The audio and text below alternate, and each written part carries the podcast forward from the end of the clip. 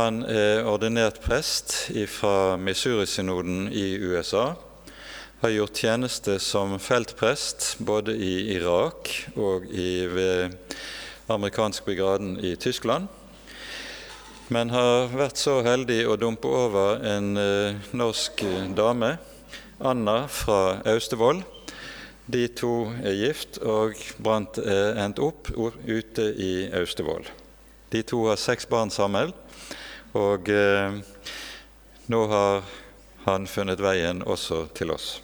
Vi er veldig takknemlige for at du ville komme og dele med oss av det som du også har arbeidet særlig med. Før Brant får ordet, finner vi frem salmen på nummer 168 i salmeboken. Nummer 168.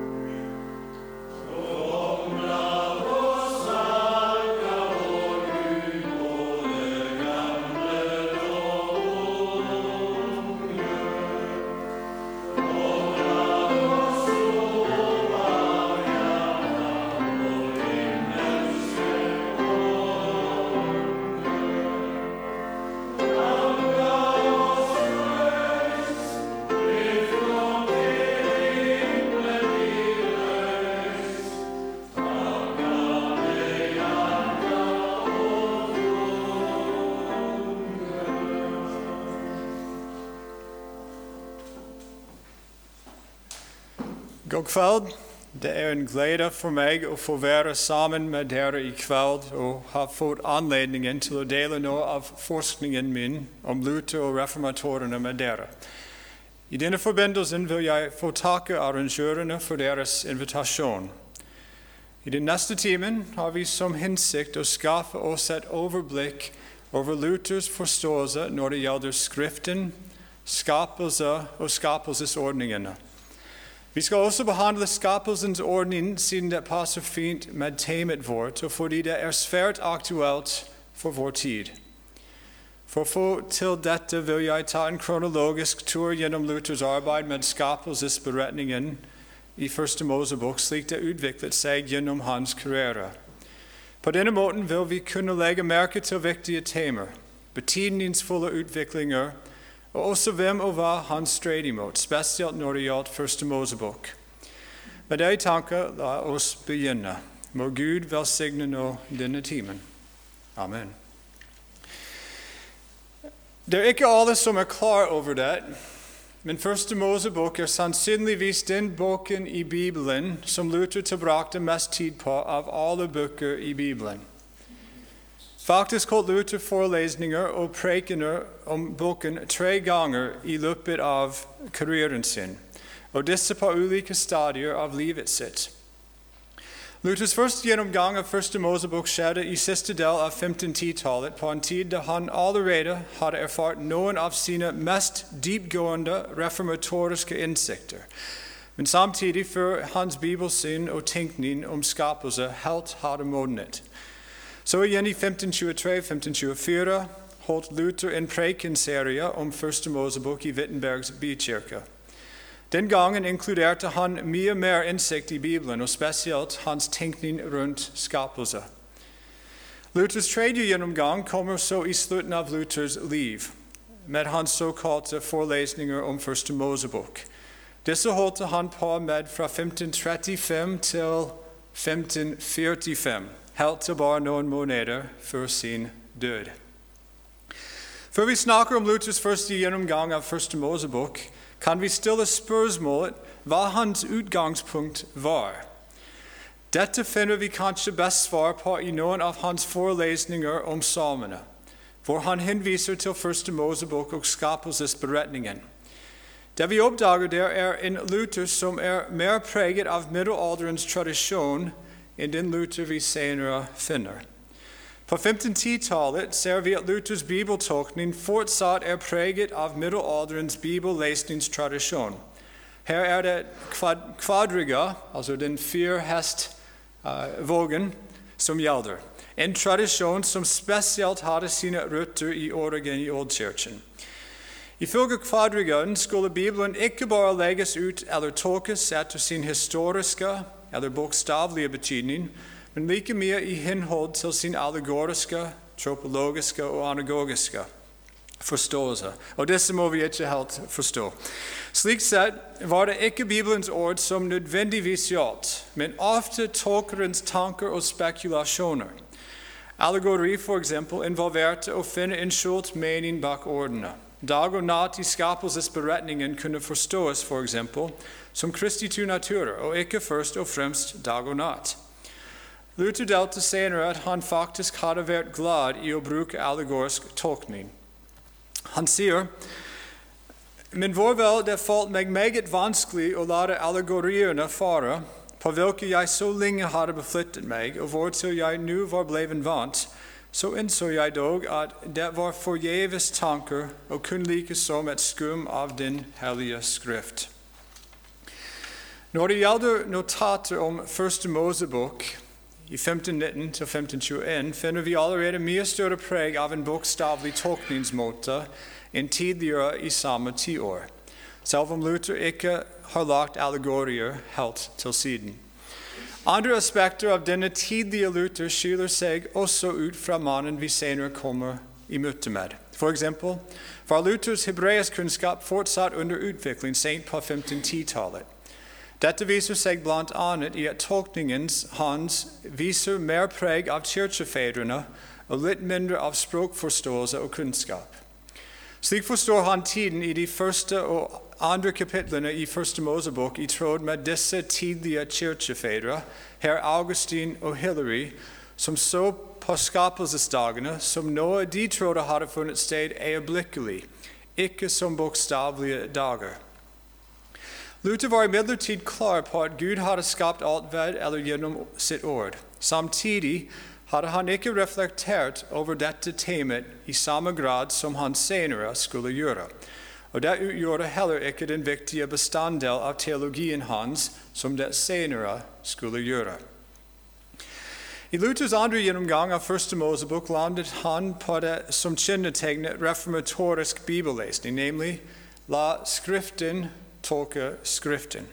Denne innsikten finner vi først i år 1520. Det betyr at Bibelen og bibelsteder ikke først og fremst burde sees i lys av menneskelige tanker og spekulasjoner, selv om disse var forankret i kirkefedrene, men man burde istedenfor forholde seg til Bibelens ord og la Bibelens historiske, og spesielt dens grammatiske, filologiske, dvs. si bokstavelige betydning, bestemme tolkningen. Hvis et sted var vanskelig, kunne andre bibelsteder kaste lys på det. Bibelen skulle være sin egen tolker, ikke den menneskelige forstand. Det var flere faktorer som påvirket Luthers lesing av Første Mosebok, og spesielt hans forståelse av skapelsesberetningen. Beretningen. En viktig faktor var spørsmålet om sølibat, om prester og munker skulle kunne gifte seg. Et spørsmål som ble et brennende spørsmål på sommeren 1521, da Luther befant seg i eksil på Wartburg. Og hvis løsningen hadde mye å gjøre med den måten Luther ville komme til å forstå skapelse. Hva skjedde? I kjølvannet av de første prestevigslene i Wittenberg, kort tid etter at Luther kom til Wartburg, gikk utviklingen raskt videre under påvirkning av Luthers kollega Andreas Karlstadt. Karlstadt ville ikke stanse med at prestene skulle kunne gifte seg, men gikk videre og påstod at til og med munker kunne og burde bryte løftene sine. Luther fikk beretning om nyheten og var bekymret over utviklingen. I løpet av august og september foregikk en del diskusjon mellom Luther og Melanchthon og også andre kolleger i Wittenberg. Fra deres brevveksling oppdager vi at Luther mislikte Karlstads fremgangsmåte og heller ikke satte pris på måten Karlstad brukte Bibelen med sin argumentasjon mot munkeløftene. Men det var et vanskelig spørsmål. Hadde disse munkene ikke gitt sine løfter til Gud, skulle disse brytes uten da å risikere Guds vrede og straff? I dag ville nok folk synes at alvoret de tok saken med, er litt oppsiktsvekkende. Luther og hans kolleger hadde imidlertid store bekymringer rundt dette temaet, og enhver rettferdiggjørelse for å kunne bryte lufter så ikke ut til å kunne holde stand mot Bibelens krav 'hold det du lover'. Nei, sa Luther, for å kunne bryte lufter trengte man en skikkelig grunn basert i Guds ord. Ellers blir det hele ganske farlig for samvittigheten når folk etter hvert skulle begynne å lure på om det de hadde gjort, var rett eller ikke. Samtidig var det en åpen hemmelighet at mange munker og prester, prester slet med sølibatet, og spørsmålet om menneskets svake kjød fikk også oppmerksomhet. Men var det ikke tilfellet at Luthers oppdagelse av evangeliet også hadde frigjort prester og munker fra sølibat? På den ene siden stemmer det at Luthers evangeliumoppdagelse hadde frigjort og løsnet mange misbruk som fantes i datidens kirke. Avlat, misbruk av messen, bruk av relikvier, helgeners forbund og en god del mer. Likevel var Luther ikke helt sikker på at evangeliet alene kunne eller burde frigjøre inn fra et løfte som hadde blitt gjort i Guds navn. Svaret på dette spørsmålet ville vente til høsten 1521 og ledsage en viktig utvikling i Luthers forståelse av skapelse. Hans oppdagelse var sannsynligvis også foranlediget av hans samtidige oversettelsesarbeid og skrivearbeid som involverte Johannes kapittel 1. Luther oversatte jo på dette tidspunktet Det nye testament og skrev i tillegg sin kirkepostile. Brevvekslingen lar ikke gå mye lenger med spørsmålet, men tilsynelatende fikk Luthers meditasjoner over Skriften ham til å forstå at Guds skapende tale i Første Mosebok 1 hadde kontinuerlige effekter. Det var fortsatt virksom, ja, også helt til hans tid og til i dag. Luther konkluderte at Guds tale og hans effektive eller virksomme velsignelsesord som en gang blitt sagt, fortsatt var virksom, virksomme i alle unntatt bare noen få mennesker som Gud selv hadde fritatt fra denne ordningen, dvs. Si Guds skapelsesord være fruktbar og bli mange. Menneskets innerste legning og effekter reflekter, reflekterte dermed ikke bare syndig begjær, men også den forplantningstrang som ble gitt implantert av skaperen selv. I lys av dette kunne egentlig ikke sølibat være en livsstil som behaget Gud. Istedenfor burde det menneskelige livet ordnes ifølge den måten Gud har skapt mennesket til å bli. For folk flest, må jeg si. I Luthers skrift om klosterløfter, Devotis Monasticis, november 1521, og hans kirkepostil, spesielt preken til Epifanius, kommer denne nye forståelsen i dagslys. Deretter er det spesielt til Luthers familieke leben, altså om ekteskapelig liv, at Luther utvikler tankegangen sent på sommeren i 1522. I 1522 og 1523 var det dermed blitt klart, både for Luthers venner og fiender, at Luthers lære om skaperverket som et historisk ord med fortsettende gyldighet og virkning hadde blitt et vektbærende element i Wittenberg teologi. Dette tar oss nå til Luthers andre gjennomgang av Første Mosebok, som fant sted i kjølvannet av dette revolusjonære gjennombruddet. På våren 1523 holdt Luther en prekenserie om Første Mosebok. Disse prekene ble senere utgitt som i Genesis eller Første Mosebok skrevet av Moses, den mest hellige bok, dr. Martin Luthers prekener i 1527. Selv om disse prekenene får mindre oppmerksomhet enn Luthers senere forelesningene over Første Mosebok, kan vi merke oss at de fleste viktige temaer og utviklinger i Luthers tenkning rundt skapelse og Første Mosebok allerede nå er på plass. Hvis vi ser nærmere på disse prekenene, merker vi raskt at Guds skapelse av mann og kvinne, Guds skaperords vedvarende virksomhet samt dets relevans når det gjaldt klosterløfter, fortsatt står sentralt i Luthers sinn. På grunn av en gruppe nylig rømte nonner, blant dem Luthers senere hustru, fikk slike temaer kanskje litt ekstra oppmerksomhet i byen og prekenen, altså i Wittenberg. De hadde rommet til Wittenberg. Uansett gav tekstene i Første Mosebok Luther flere anledninger til å ta opp disse temaene tilknyttet skapelse på våren og sommeren 1523. Det følgende gir oss et meget gripende eksempel. For det første hører vi hvordan Gud delte menneskeheten i to deler.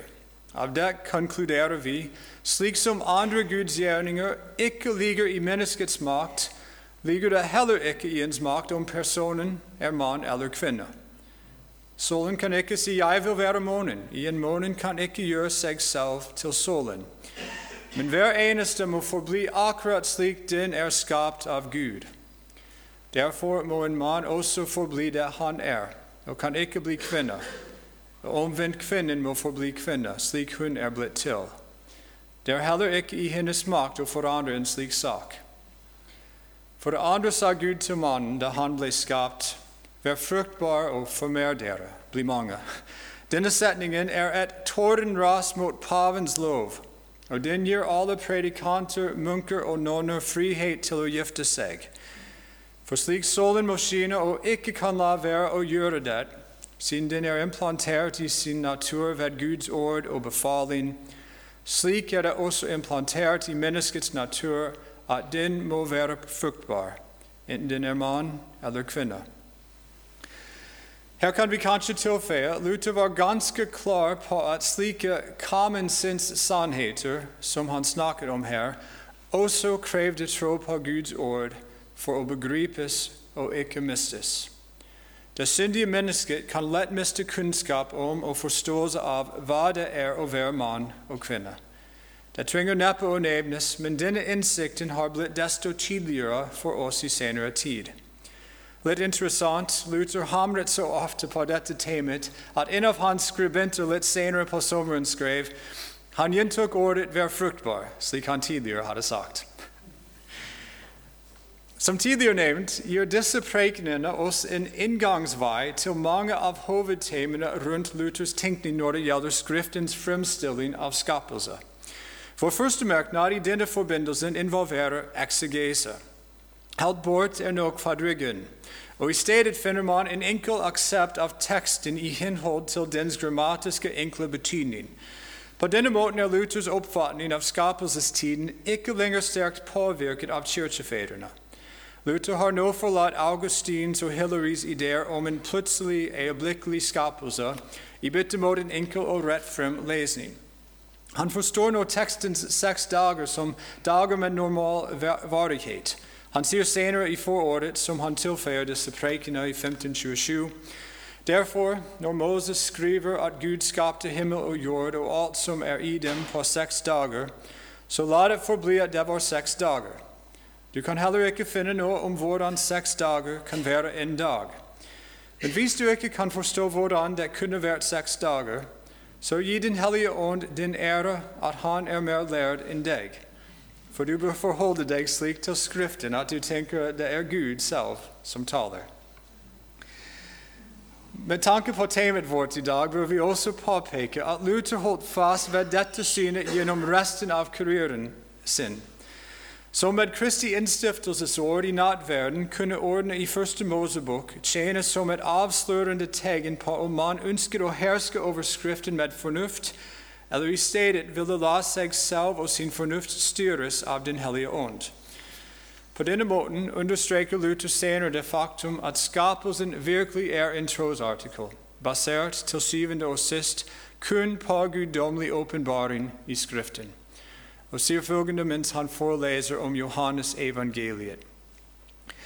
Disse ordene fra Den hellige ånd, hentet fra Moses i første Moseboks første kapittel, la det bli lys, er uforståelig for enhver menneskelig fornuft eller visdom, uansett hvor dyp den er.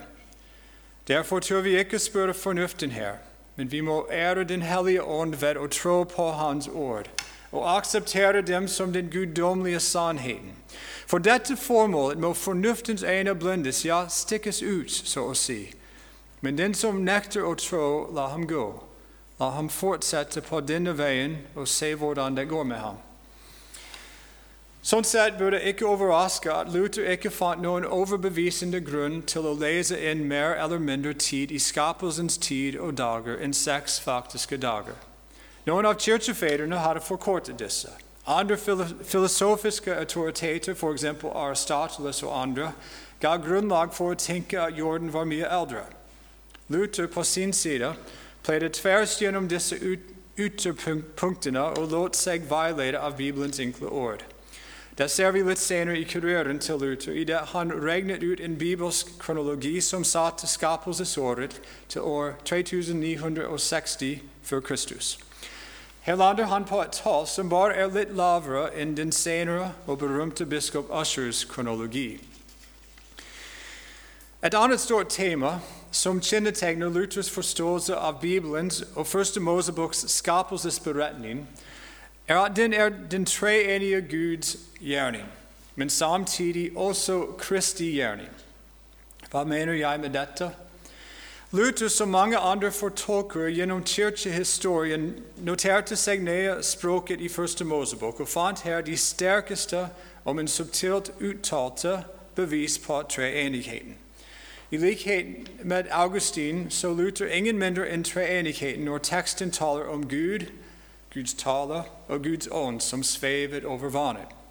Samtidig, siden gjerningen går ut fra Faderen ved hans tale, er skapelsen med rette tilskrevet ham, Faderen, i trosbekjennelsen. Luther fant flere bevis for en treenig forståelse av skaperverket, også utover de to første versene i Første Mosebok. Når vi kommer til Første Mosebok N26 og ordene 'La oss gjøre mennesker i vårt bilde', finner Luther nok et vitnesbyrd om treenigheten, ettersom teksten refererer til flertallet oss, det vi kanskje kan kalle indre treenighetsdialog. Naturligvis begynner og slutter ikke Luthers forståelse av skaperverket som en gjerning av hele treenighet med Første Mosebok. Snarere, som vi har sett allerede og vil se andre steder, opererte Luther som bibelteolog. Da han vendte seg til Skriften, så han ikke mange ulike teologier og bøker. Snarere så han en enhetlig bok, Den hellige ånds bok, som han pleide å si, som talte et enhetlig budskap til mennesker gjennom alle tider og steder. selv om han brukte mange forskjellige forfattere med sine egne egenskaper og trekk. Med tanke på at forfatterskapet til Bibelen faktisk var entall, var det meningen at innholdet skulle fungere i størst mulig harmoni. En tekst kunne og burde belyse en annen. Skriften var sin egen beste fortolker, og dette gjaldt også forståelsen av skaperverket.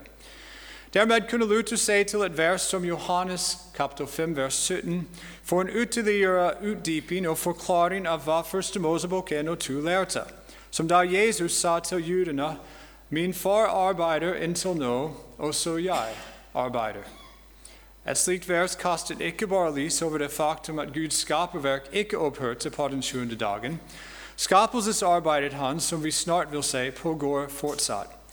Likevel ga dette verset rikelig og ytterligere bevis for Luther at på samme måte som Faderen var aktiv i skapelsen, så var også Sønnen det. Og som Sønnen var det, var også Ånden det ifølge skriftsteder som Salme 33, vers 6, som vi kommer senere til. Luthers omarbeidning av den verdsatte tradisjonelle salmen om Den hellige, om den hellige ånd, altså kom uh, skaper ånd, uh, Veni creator spiritus i 1524, viser også at Den hellige ånds rolle ikke ble glemt av Luther. Hvis Luthers forståelse av Guds skaperverk legger til grunn treenigheten, sentrerer Luthers forståelse av skaperverket likevel om Kristus, siden Gud skaper durch das Wort, altså gjennom Kristus, Sønnen. Dette er et tema Luther vil gjenta igjen og igjen gjennom hele sin karriere. Og selv om denne ideen slett ikke er ny i kirkens tradisjon, er kraften av ordets makt og pågående virkning kanskje noe nytt med Luther. Luther sier i sine senere forelesninger om Første Mosebok Vann, avgrunn og himmelen brukes her om én ting, nemlig om den mørke og uformelige skapning. Så siden efter hvert ordet ble adskilt og lys. For således så pryder og adskiller en uformelig og uordentlig masse som er frembrakt av intet, det tilhører en annen person, nemlig Kristo, Guds sønn. Johannes 1 spiller en sentral rolle for Luther i denne henseende, i det den gir det sterkeste bevis for Kristi skapelsesverk. Ved en anledning nær slutten av Luthers karriere illustrerer han denne treenige, men kristosentriske forståelse av skaperverket på en veldig interessant og tydelig måte. Her ser vi virkelig Luther som en bibelteolog når han skildrer en samtale mellom Moses og Johannes. Greit, sier Luther. Johannes begynner sitt evangelium med ordene. I begynnelsen var ordet, og ordet var hos Gud, og ordet var Gud. Han var i begynnelsen hos Gud. Alle ting ble til ved ham, og uten ham ble ikke noe til som ble til. Dette er talen av Sankt Johannes, eller rettere sagt av Den hellige ånd, som gjør alle ting levende. La oss nå se om Johannes er i stand til å finne Moses med disse ordene og reise ham opp fra de døde. Moses har en veldig skarp hørselssans. Han går straks ut og sier, 'Her er jeg, for akkurat som du, Johannes, taler om ordet, så har jeg også talt og taler fortsatt om ordet.' Du tar ordene ut av munnen min. Således er Moses og Johannes enige i sitt vitnesbyrd om at Gud og ordet helt sikkert er to atskilte personer, og disse to ikke desto mindre er en skaper og Gud udelelig i den ene guddommelige vesen. Og om ikke det var nok, henter Luther David inn i fremstillingen sin. Slik leste og forstod David Moses da han skrev i Salme 33 Ved Herrens ord ble himlene skapt, og hele deres her ved hans munns ånd. Men hvis himmelen med alt som er i den, ble til og ble skapt ved Guds tale eller ord, så ble jorden med alt som er i den, utvilsomt også til og lagt ved det samme ordet. Nå, ordet er ikke himmelen eller jorden, eller noe som er i dem, eller noe som er laget sammen med disse ved ordet. Derfor må det være Gud selv, og samtidig en person utenom taleren, som gjør alle ting gjennom ordet, forent i en udelelig, udelelig essens av guddommelig kraft, makt og virkning. Her ser vi ganske tydelig Luthers måte å forstå Bibelen på. Dens mange forskjellige bøker hadde egentlig bare én forfatter, Den hellige ånd. Derfor kan de ulike stedene brukes til å forklare, kaste lys over og forstå hverandre. Vi har ikke tid i dag, men man kan finne en rekke andre vers som også kunne inkluderes i forbindelse med Luthers tanker om skaperverket. Poenget er imidlertid at når Luther leser et av disse versene, gjør han det ikke uten at han også har alle de andre i bakhodet. Enten det er ordspråkene åtte, med at Guds visdom, Sønnen, var ved Herrens side som hans kunstner, eller det er hebreerbrevet, salmene, kolossene, eller en rekke andre skriftsteder, så ser Luther i alle disse, så ser Luther i alle disse av Guds skaperverk skjer ved Sønnen. Som Luther senere sier, således er Moses og David enige med Johannes og Paulus. Og begge slutter seg til dem og sier alle ting ble til og skapt ved ordet, eller ved Kristus. Hva kan vi si om Guds skapende gjerninger i og ved Sønnen? For det første forstår Luther Guds skaperverk som et mektig ord med pågående virksomhet. I kraft av Guds skapende tale i begynnelsen fortsetter skapelse i dag. For Luther er det dette ordets kraft som fortsetter å manifestere seg i planetenes sykluser, i skinnet fra solen og stjernene, i den årlige vekst av plantene og den faktiske forplantningen, formeringen av alle levende skapninger. Ingen av disse har makt eller evne til å gjøre dette selv. Disse er alle på en måte ordet i bevegelse. Eller som Luther senere sa, ordet vendte seg til utsiden, det vil si gjort synlig. Ja, kraften til det opprinnelig talte ordet, om det gjelder planter som produserer fru etter sin art, om det gjelder sol, måne og stjernene som fortsetter å markere dag og natt, tider og årstider, eller om det gjelder en ny baby som bringes til verden, kommer alt dette den dag i dag som følge av Guds skapende ord.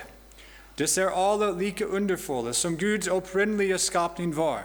Ja, og alt dette opprettholdes og fortsetter kun i kraft av ordet. For Luther ble ikke bare hele skapelsen talt til eksistens av Gud og ved ordet. Hele skaperverket representer, represent, representer ord fra Gud. Vi er hans tale, for å si det sånn. Ved en anledning kommenterer Luther Gud kaller de ting der ikke er, som om de varer. Og hans ord er ikke blott ord, men sann og virkelige ting. Hva der således hos mennesker lider som et ord, det er hos Gud en virkelig ting. Således er sol, måne, himmel og jord. Petrus, Paulus, jeg og du osv. kun simple ord av Gud. Ja, neppe en stavelse eller et bokstav imot den hele skapning og regne. Dessuten bekrefter Luther hele tiden virkeligheten at utenom Guds skapende ord ville det ikke vært noe i det hele tatt. Gud skaper av ingenting, vil si ex nihilo. Det er et tema som stadig dukker opp hos Luther, og som også har viktige paralleller til hans lære om rettferdiggjørelse. Hvor Gud må skape troen der hvor det tidligere ikke fantes noe. Også der skjer det ved Hans ord, evangeliet. For Luther skulle Guds skaperverk, enten det var i det store eller i det små, føre til ulike uttrykk av tro. Anerkjennelse av Guds skapelse, ærefrykt, lovprisning og takksigelse. Synd påvirker imidlertid troens forståelse, slik den gjør med alle andre trosartikler. I denne forbindelsen sier Luther igjen i sin senere første Mosebok-forelesninger Nå sier Gud kun et ord, så fremkommer straks fugler av vann Derfor, når ordet utgår, så, så blir alt hva der, det er, uh, der er utrolig for fornuften, mulig således at der av vann blir enten fisker eller fugler. Og således er enhver fugl, enhver fisk, intet annet enn et ord eller navn i Guds grammatikk. Men disse ting beskrives og skulle også flittig læres og erkjennes for at vi skulle lære å forundre oss over den guddommelige majestets makt og bygge og befeste vår tro ved så underfulle gjerninger. Men derfor forundrer vi oss litt, uh, litt uh, over sådanne gjerninger, fordi de er så alminnelige og har, har tapt det forunderlige for oss ved daglig bruk. Men uh, hvor der tror dem og betrakter dem noe nøyere, han må forundre seg derover, og denne forundring virker med til å styrke troen.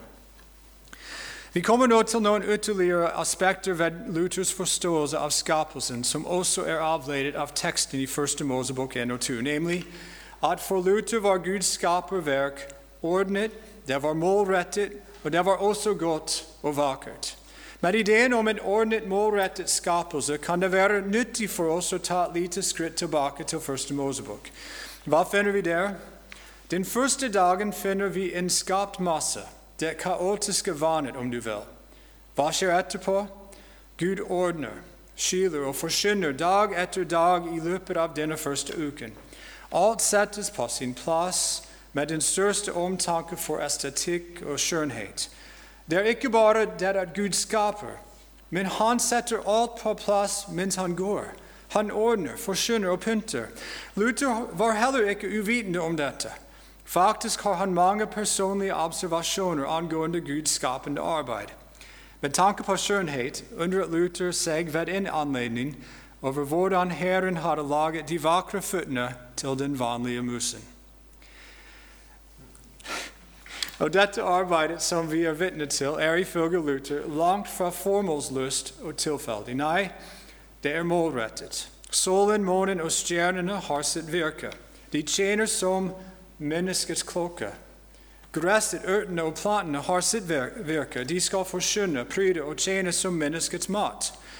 Alle disse vil ære Gud når de tjener sine tildelte roller i å forberede et hjem for Guds høyeste skapning, mennesket.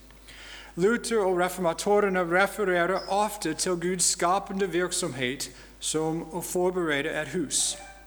Fundamentet og taket klargjøres Interiøret pyntes, mat leveres, og til slutt bringes mannen og kvinnen inn i huset. Med tanke på mat bemerker Luther at selv før mannen kunne be om eller ønske seg mat, kommer Herren i sin kjærlighet og omsorg for sin skapning til ham og viser ham maten. Se, jeg har gitt deg hver urt som gir fru, som er på hele jorden, og hvert tre hvis frukt gir fru. For deg skal det være til mat. Her er vi ikke langt unna ordene og tankene i Luthers forklaring i hans lille katekisme, der Luther, etter å ha forklart hvordan Gud har skapt og bevart meg og alle skapninger så rikt og rikholdig, konkluderer og alt dette gjør han bare av faderlig, guddommelig godhet og barmhjertighet uten min fortjeneste og verdighet. For Luther er det faktisk dette den kristne finner også i den første artikkelen, i Guds skaperverk. Den kristne vil vedtrå seg Faderens kjærlige velvilje. Dette bringer oss til et ytterligere punkt som vi allerede har hintet til. Luthers fremstilling av den første artikkelen er gjennomgående pastoral og trosfremkallende i sin hensikt. Og den avslører hvis man tror på Sønnen, Jesus Kristus, skaperens kjærlige omsorg igjen og igjen.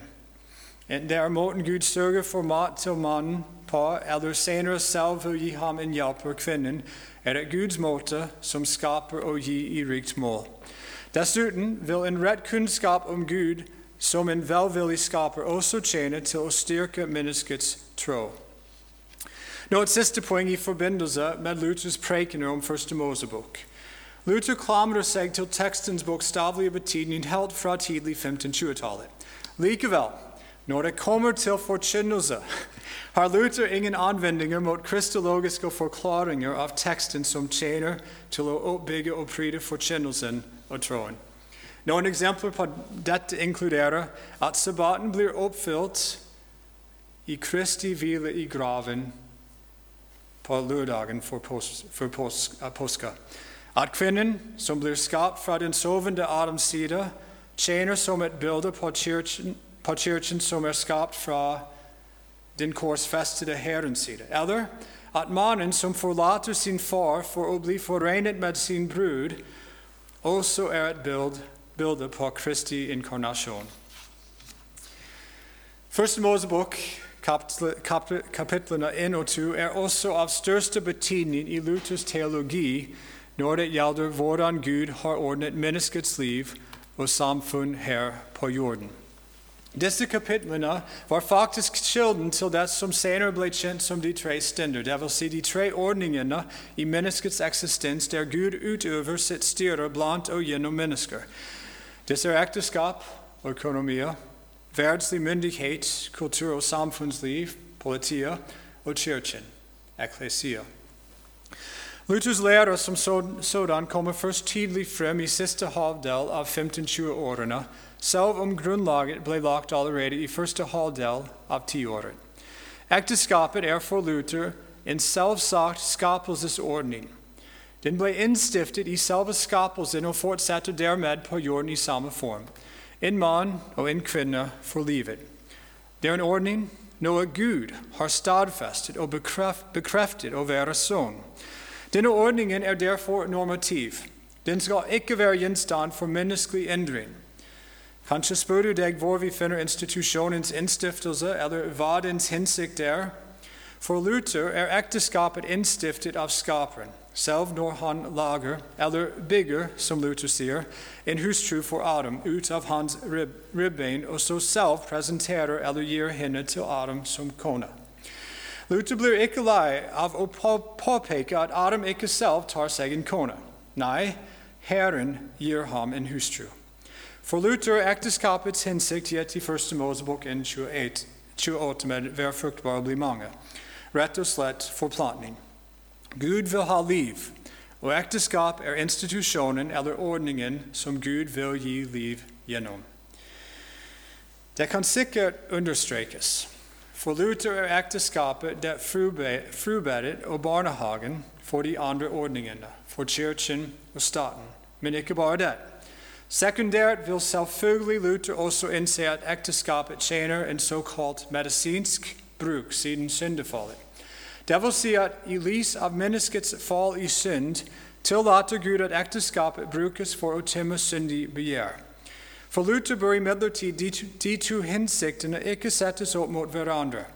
Og mannen som gjorde det i Det gamle testament, dvs. Si Onan, blir grovt fordømt av Luther for å ha brutt Guds ordning av ekteskapet.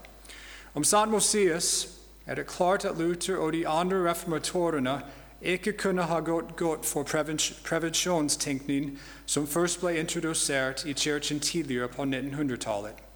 Det ville ikke ha passet inn i deres forståelse av skapelse og dens hensiktsmessige ordning. For Luther er det i hver av disse ordningene, disse tre stendene, at Gud er på jobb for å fremme sin vilje blant oss. Gjennom husholdningen og ekteskapet fremmer og nærer han livet. Gjennom verdslig myndighet, dvs. Si politiet, opprettholder Gud fred og orden samtidig som han beskytter liv og eiendom. Han beskytter forholdene som kreves for sivilsamfunnet. Gjennom kirken går forkynnelsen av lov og evangeliet frem. I hvert av disse områdene er det Gud som er på jobb i dem som utøver sine ulike embeter, om det gjelder en far og mor, pastor, politimann osv. I forbindelse med ekteskap vil vi nå også gjøre noen korte betraktninger angående forholdet mellom mann og kvinne, slik Luther har forstått det. Til begynne kan vi si at mann og kvinne blir sett i to forskjellige lys av Luther. Et indre eller vesentlig, vil si hvordan de er for Gud og i hans øyne, og et ytre eller eksternt, vil si etter deres stilling eller plass i skapelsen, i verden ifølge Guds ord. En slik forskjell finner vi stadig i hans eksegese av Første Mosebok, enten det var fra 1520-tallet eller senere i karrieren. Vi kan understreke at for Luther ser Gud på kvinnen som fullstendig likestilt med mannen. Hun sammen med mannen besitter Guds bilde. Vil si, hun også besitter den rettferdighet og hellighet som Gud skapte mannen i. På den måten skiller hun seg ikke materielt fra mannen. Som illustrasjon sier Luther ved en anledning ja, der. Men derfor stiller Moses her begge sammen, mann og kvinne, og sier Gud skapte dem mann og kvinne fordi han vil vise at også Eva er skapt av Gud og delaktig i Guds bilde og lignelse, også i herredømmet over allting. Samtidig benekter ikke Luther at det fantes en ordning mellom mann og kvinne, også før fallet. I sine første Mosebok-prekener bemerker Luther f.eks. at Gud ikke snakket direkte til kvinnen, men til mannen. For ham gjenspeilte dette allerede den iboende ordning av kjønnene. I tillegg kommenterer Luther Bibelens betegnelse på kvinnen som en hjelper til mannen. Før syndefallet forstår Luther dette som en ordning mellom likeverdige, og han bemerker at kvinnen er utpekt som en hjelper for mannen i arbeidet med husholdningen og forplantningen. Gitt det var nettopp på det området at mannen var ufullstendig. Denne ordningen blir imidlertid frustrert og leid forbannelse etter fallet, ettersom kvinnen da skulle bli hersket over, ifølge den guddommelige og virksomme forbannelsen. Siden også disse ordene skaper virkeligheten vår. Uansett er det helt klart at Luther tar sitt utgangspunkt i hans forståelse av kjønn og deres ulike oppgaver i skapelsesberetningen. Like viktig her er Guds tale etter syndefallet som bestemmende for Luthers tenkning. Nå går vi videre til politia, dvs. Si sekulær myndighet eller styre. Det er interessant og kanskje også bemerkelsesverdig at for Luther strømmer denne ordningen også ut fra skapelsen og første Mosebok 1 og 2. Nå spør du deg kanskje hvor Luther finner dette. Svar dette for Luther finnes også i første Mosebok 1, 28. Faktisk har Luther allerede så tidlig som i august 1525 merket seg en slik betydning. Altså gjør uh, jorden under, altså uh, mennesker. De skal råde og herske over det. Det er imidlertid noe mer som står på spill når Luther gir en slik betydning til dette verset. Det sammenfaller med Luthers skrivning av De Servo Arbitrio, altså Luthers skrift om den trellbundne viljen som ble skrevet som svar mot Erasmus. I den skriften dukker også dette verset opp. Men her var Luthers poeng faktisk ikke å snakke om menneskets myndighet og autoritet på jorden. Det er heller å vise menneskets begrensninger. Et viktig poeng her er det faktum at menneskets fornuft er gitt myndighet over ting som tilhører skapelse. Denne fornuft har autoritet til å ordne og herske over skaperverket, til å dyrke jorden og lage den under. Mennesket får myndighet til å navngi og dermed herske over dyrene. Likevel går ikke fornuftens kompetanse og menneskets autoritet lenger, ifølge Luther. Mennesket og fornuften er ikke gitt autoritet over høyere ting, f.eks. over åndelige anliggender. Menneskets vilje og fornuft er ikke, og har aldri vært, fri i så måte. Dessuten, når det gjelder mannens herredømme over sine medmennesker, sverdets makt, blir dette først etablert etter syndefallet, slik det begrunnes i Skriften. 1. Mosebok 9 og Romerbrevet 13. Kirken, eller den tredje ordningen, er for Luther også etablert i andre og tredje kapittel av 1. Mosebok. Avhengig av hvilken tekst man leser, sier Luther at kirken faktisk er innstiftet i og med Guds befaling til Adam, om ikke å spise av frukten av treet til kunnskap om godt og ondt. Denne befalingen forlangte at mennesket vil ære og tilbe Gud med at de ikke ville spise treets frukt. Her bør vi merke oss at befalingen var noe som overgikk den menneskelige fornuften. Dermed var det treet som ville og skulle ha tjent som det første alteret. Andre steder vil Luther markere Guds løfte til kvinnen etter fallet i 1. Mosebok 3,15 som kirkens begynnelse. Der lover Gud at kvinnens ett skal knuse slangens ett. Dette løftet ville han ha trøstet og styrket Adam og Eva og deres etterkommere, siden løftet ifølge Luther handler om en frelser og hans seier over slangen. Og Det er hele uh, tolkningsnøkkelen til første Mosebok og Bibelen, for den saks skyld for Luther. På mange måter har vi nå driftet de viktigste temaene tilknyttet Luthers forståelse av Skriftens skapelsesberetning og dens betydning for hans teologi. Før vi runder av denne timen, ønsker jeg imidlertid å snakke litt om Luthers forelesninger om første Mosebok som fant sted sent i karrieren hans. Han brukte et helt tiår på å gå gjennom boken denne gangen, fra 1535 til 1545. Imponerende? Ja. Verdt å lese? Absolutt. Men gitt det faktum at mye av det han vil ha å si, ja, kanskje det meste av hans sentrale teologiske innsikter, ikke kan beskrives som virkelig ny, må vi stille spørsmål om vi finner noe her som skiller seg ut fra det vi allerede har hørt. For omtrent tre uker siden ville jeg kanskje ikke kunne ha svart positivt på dette spørsmålet. For alle praktiske formål er Luthers teologi og forståelse av skapelse, dets temaer og hans motstandere etablert høsten 1521 på Wartburg og så videre utviklet og fordypet gjennom 1520-tallet. Det betyr at forskjeller når det gjelder de senere forelesningene, virker å være variasjoner innenfor et tema. Likevel, idet jeg leste gjennom mye av dette materialet igjen, kom jeg til å tenke på en observasjon som jeg hadde for noen år siden, men ikke hadde anledning til å gå videre med på den tiden. Jeg kom nemlig til å tenke på Luthers kollega og venn Philip Melanchthon og hans skrifter om sjelen, som han utviklet over 1530-årene og så utga i 1540. Kommentarius de anima, eller kommentar om sjelen. Altså forløpere til en bok som vi hørte allerede i kveld. Et par ting fikk meg til å tenke på denne teksten. For det første ble denne skriften utviklet rundt samme tid som Luther holdt sine senere første Mosebok-forelesninger. For det andre handler teksten, selv om man ikke nødvendigvis vil se det fra tittelen, like mye om skapelse, anatomi og psykologi som om sjelen. Det var faktisk en tekst innenfor feltet naturfilosofi. Så, um, en slags forløper til dagens naturvitenskap. Naturfilosofi var et emne som for reformatorene var spesielt nyttig for å vise frem herligheten, ordenen og målrettheten av Guds skapelse. Dette fikk meg også til å huske at Melanchthon hadde uttrykt misnøye over dem som avviste en slik ordnet, målrettet skaperverket.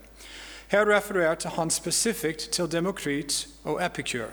Men i antikken som påstod at verden bare bestod av materie, og at den hadde tatt form fra tilfeldige hendelser. De var atomister. På overflaten sier selvfølgelig ikke slike navn, ei heller betegnelsen atomist, oss så mye i dag. Epikur, altså ca. tre århundrer før Kristus, blir populært husket som spis, drikk og vær glad-filosofen i antikkens Hellas. Og en atomist var egentlig det. I teksten tenker, tenker Melanchthon på en gammel teori som går enda lenger tilbake enn Epikur. Den går tilbake til en demokrit ca. 400 år før Kristus. Hans lære ble senere forkynt, eller kanskje plagiert, av Epikur, og deretter nå senere popularisert for antikken av Lucretius, eh, som levde omtrent samtidig som Cicero. Selv om disse navnene kan høres fjerne ut for oss, er deres tanker, etikk og verdenssyn sett under et ikke så fremmed for tiden vi nå lever i. Så hva var det disse atomistene lærte? I hovedsak lærte de at universet og materien bestod av små partikler som ikke kunne reduseres eller deles ytterligere. Disse atomene, ifølge Epikur og hans likesinnede, spratt rundt tilfeldig og slo seg sammen på forskjellige måter og resulterte dermed i to ting.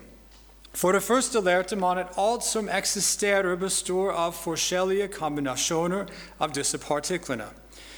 For det andre reduserte en slik forståelse universet til bare materie og tilfeldige hendelser. Mennesket kunne dermed ikke sies å være evig, laget i Guds bilde. De var ikke mer enn dyr som spiste, drakk og reproduserte, og hvis høyeste mål var å finne nytelse mens de levde, helst gjennom måtehold, selv om Epikurs disipler pleier å glemme det. I alle fall ble disse eldgamle tenkerne ofte assosiert med ateisme.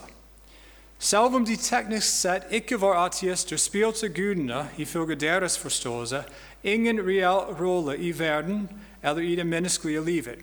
Og som om vi ikke allerede har funnet nok paralleller med ting fra vår egen tid, foreslår noen av disse tenkerne en teori om at det var ut fra atomers tilfeldige bevegelser at alle de forskjellige livsformene dukket opp.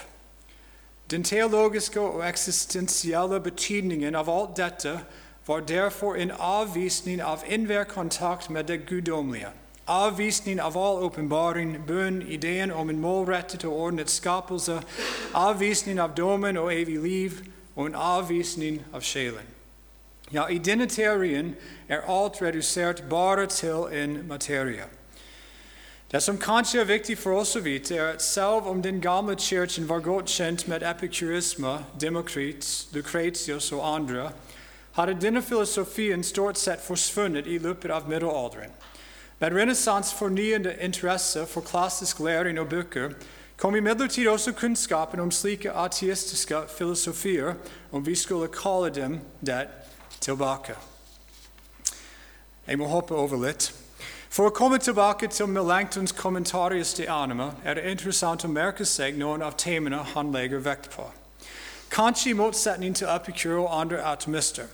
Melanchthon, som Luthers, er en ordnet og målrettet skapelse. Når han fremstiller anatomi, skisserer han igjen og igjen hensikten til ethvert kroppsmedlem. Deres form, formål og etiske bruk henger sammen og er ikke for menneskelig lyst og begjær å bestemme. Fordelsessystemet tjener sitt eget formål. Det samme gjelder ifølge Langton også medlemmer som tjener forplantning. Og bare tenk, dette er det universitetsstudenter ville ha lært i Melanchtons lærebok for nesten 500 år siden. Vi kunne gå lenger med Melanchthon, men jeg ønsker nå å understreke det faktum at en slik forståelse av skapelsen og bruk av den, dvs. Si ifølge dens gudgitte ordning og dens hensikter, ikke var fremmed for reformatorenes tenkning. For dem var skapelsen jo den majestetiske gjerningen, av Guds ord. Den var den hensiktsmessige og vakre ordningen av Herrens kunstner, vår Herre Jesus selv så er det helt klart at denne ordningen og dens hensikter bør respekteres.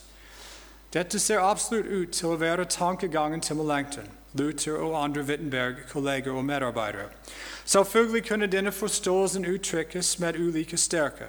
En av Luthers medreformatorer, f.eks., humanisten og predikanten Erasmus Alberus, gikk så langt som å hevde at det er synd hvis en mor med vilje skulle frata et barn sin egen morsmelk siden det ville motsi naturlov og Guds design og ordning.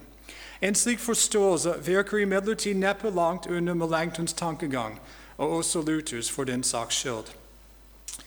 For å vende tilbake til spørsmålet om epikurerne virker det imidlertid sannsynlig at når vi kommer inn i andre halvparten av Luthers karriere gjennom 1530-tallet og mot enden av hans liv, at epikurerne spilte en stadig større rolle i Luthers tenkning. Tidligere hadde det vært pavens menneskeskapte oppfinnelser, og spesielt sølibatet, som hadde spilt så sterkt i bakgrunnen til Luthers tenkning om skapelse. Når han nærmer seg skumringen av sin karriere, ser det imidlertid ut til at det er andre trusler han har i hodet. Nei, paven er ikke helt borte, men nå er det også andre problemer på horisonten. Det er en fornektelse av all religion og gudsfrykt, som hadde sin opprinn i en feil forståelse av evangeliet, og samtidig som hadde gjenoppstått i kjølvannet av renessansens gjeninnføring av antikkens humanistiske lærdom. Selv om det er flere ulike grupperinger det snakkes om her, har disse mye til felles i Luthers ene, og derfor havner de under en felles betegnelse, epi, altså epikurerne. Luther bemerker For der kommer nå en såre ånd, fordervelig tid, og der oppstår nå mange epikurere, hvilket er et sikkert tegn på stor forvirring og uorden i alle ting, og på at Guds dommer nærmer seg. For hvortil behøver jeg Guds og Kristi erkjennelse hvis jeg ikke tror tilkommende liv og de dødes oppstandelse? Eller hvorledes kan jeg da mene at det er en Gud som vil straffe de onde og gjøre de fromme godt? Tilnekter man det tilkommende liv, da borttager man ganske Gud. Og da ville vi blive hest og mule ganske like, hvilke ikke bryr seg verken om død eller liv. Dette kan man vel merke på epikurerne, for hvem det nå er latterlikt og et tomt snakk alt hva de hører, enten når Gud får um, løfter noe, eller han truer med straff. Under tittelen Epikur og epikurere' begynner vi raskt å se konturene og silhuetten av en ideologi og et verdensbild som minner mye om det som dominerer i vår egen tid. Luther bemerker f.eks. at filosofiens motsetninger, det faktum at fornuften ikke er i stand til å komme til noen sikre konklusjoner om verdens og menneskets opphav til seg selv, det har givet epikureerne anledning til å si at verden og menneskene um, berører på et tilfelle, og ikke har, um, har noen viss årsak. At de også så slump og tilfeldigvis atter ville gå til grunne, like som dyrene faller hen og dør, som om de aldri hadde vært til. Derav følger da igjen andre ting, nemlig at der enten ingen Gud er, eller at Gud iallfall slett ikke bryr, bryr seg noe om verden og menneskene. Se på sådanne villfarende veier forføres fornuften, når den uten ordet følger sin dom og tanke. Det kan være at Luther i sin samtids epikurisme gjenkjente den samme epikuriske ånd som reagerte med forakt på Paulus' forkynnelse i Aten. Der hånet selvfølgelig flertallet av filosofene Paulus' forkynnelse, selv om noen ønsket å høre ham ved en senere anledning. Litt mer opp oppmuntrende enn Luthers konklusjon, nemlig at død er den siste pre, altså preker, forkynnere, som venter for epikureerne. Um, står det i apostlenes gjerning at noen av disse filosofene i Aten, kanskje også epikurerer, senere ville komme til tro. Uansett er det klart at Luther så en fare med Epikurs ånd og filosofi. Og Det er kanskje det nye i Luthers forelesninger om Første Mosebok når vi nærmer oss slutten av hans karriere. Med det har vi nå fullført en ganske omfattende reise gjennom reformatorens karriere. Hans refleksjoner over Første Mosebok og Guds skaperverk, også noen av motstanderne som Luther ble konfrontert med. Mitt håp med denne presentasjonen var både å presentere tilhøreren for sentralt og relevant materiale som kan hentes fra Luthers tenkning, men også å konfrontere tilhøreren om, om, på områder der reformatoren og hans medarbeidere sannsynligvis tenkte noe annerledes enn mange i våre dager. I denne forbindelse håper jeg at denne presentasjonen også har gitt stoff til ettertanke, og kanskje til og med utfordrer deg. Takk for meg, og beklager det gikk litt, litt over.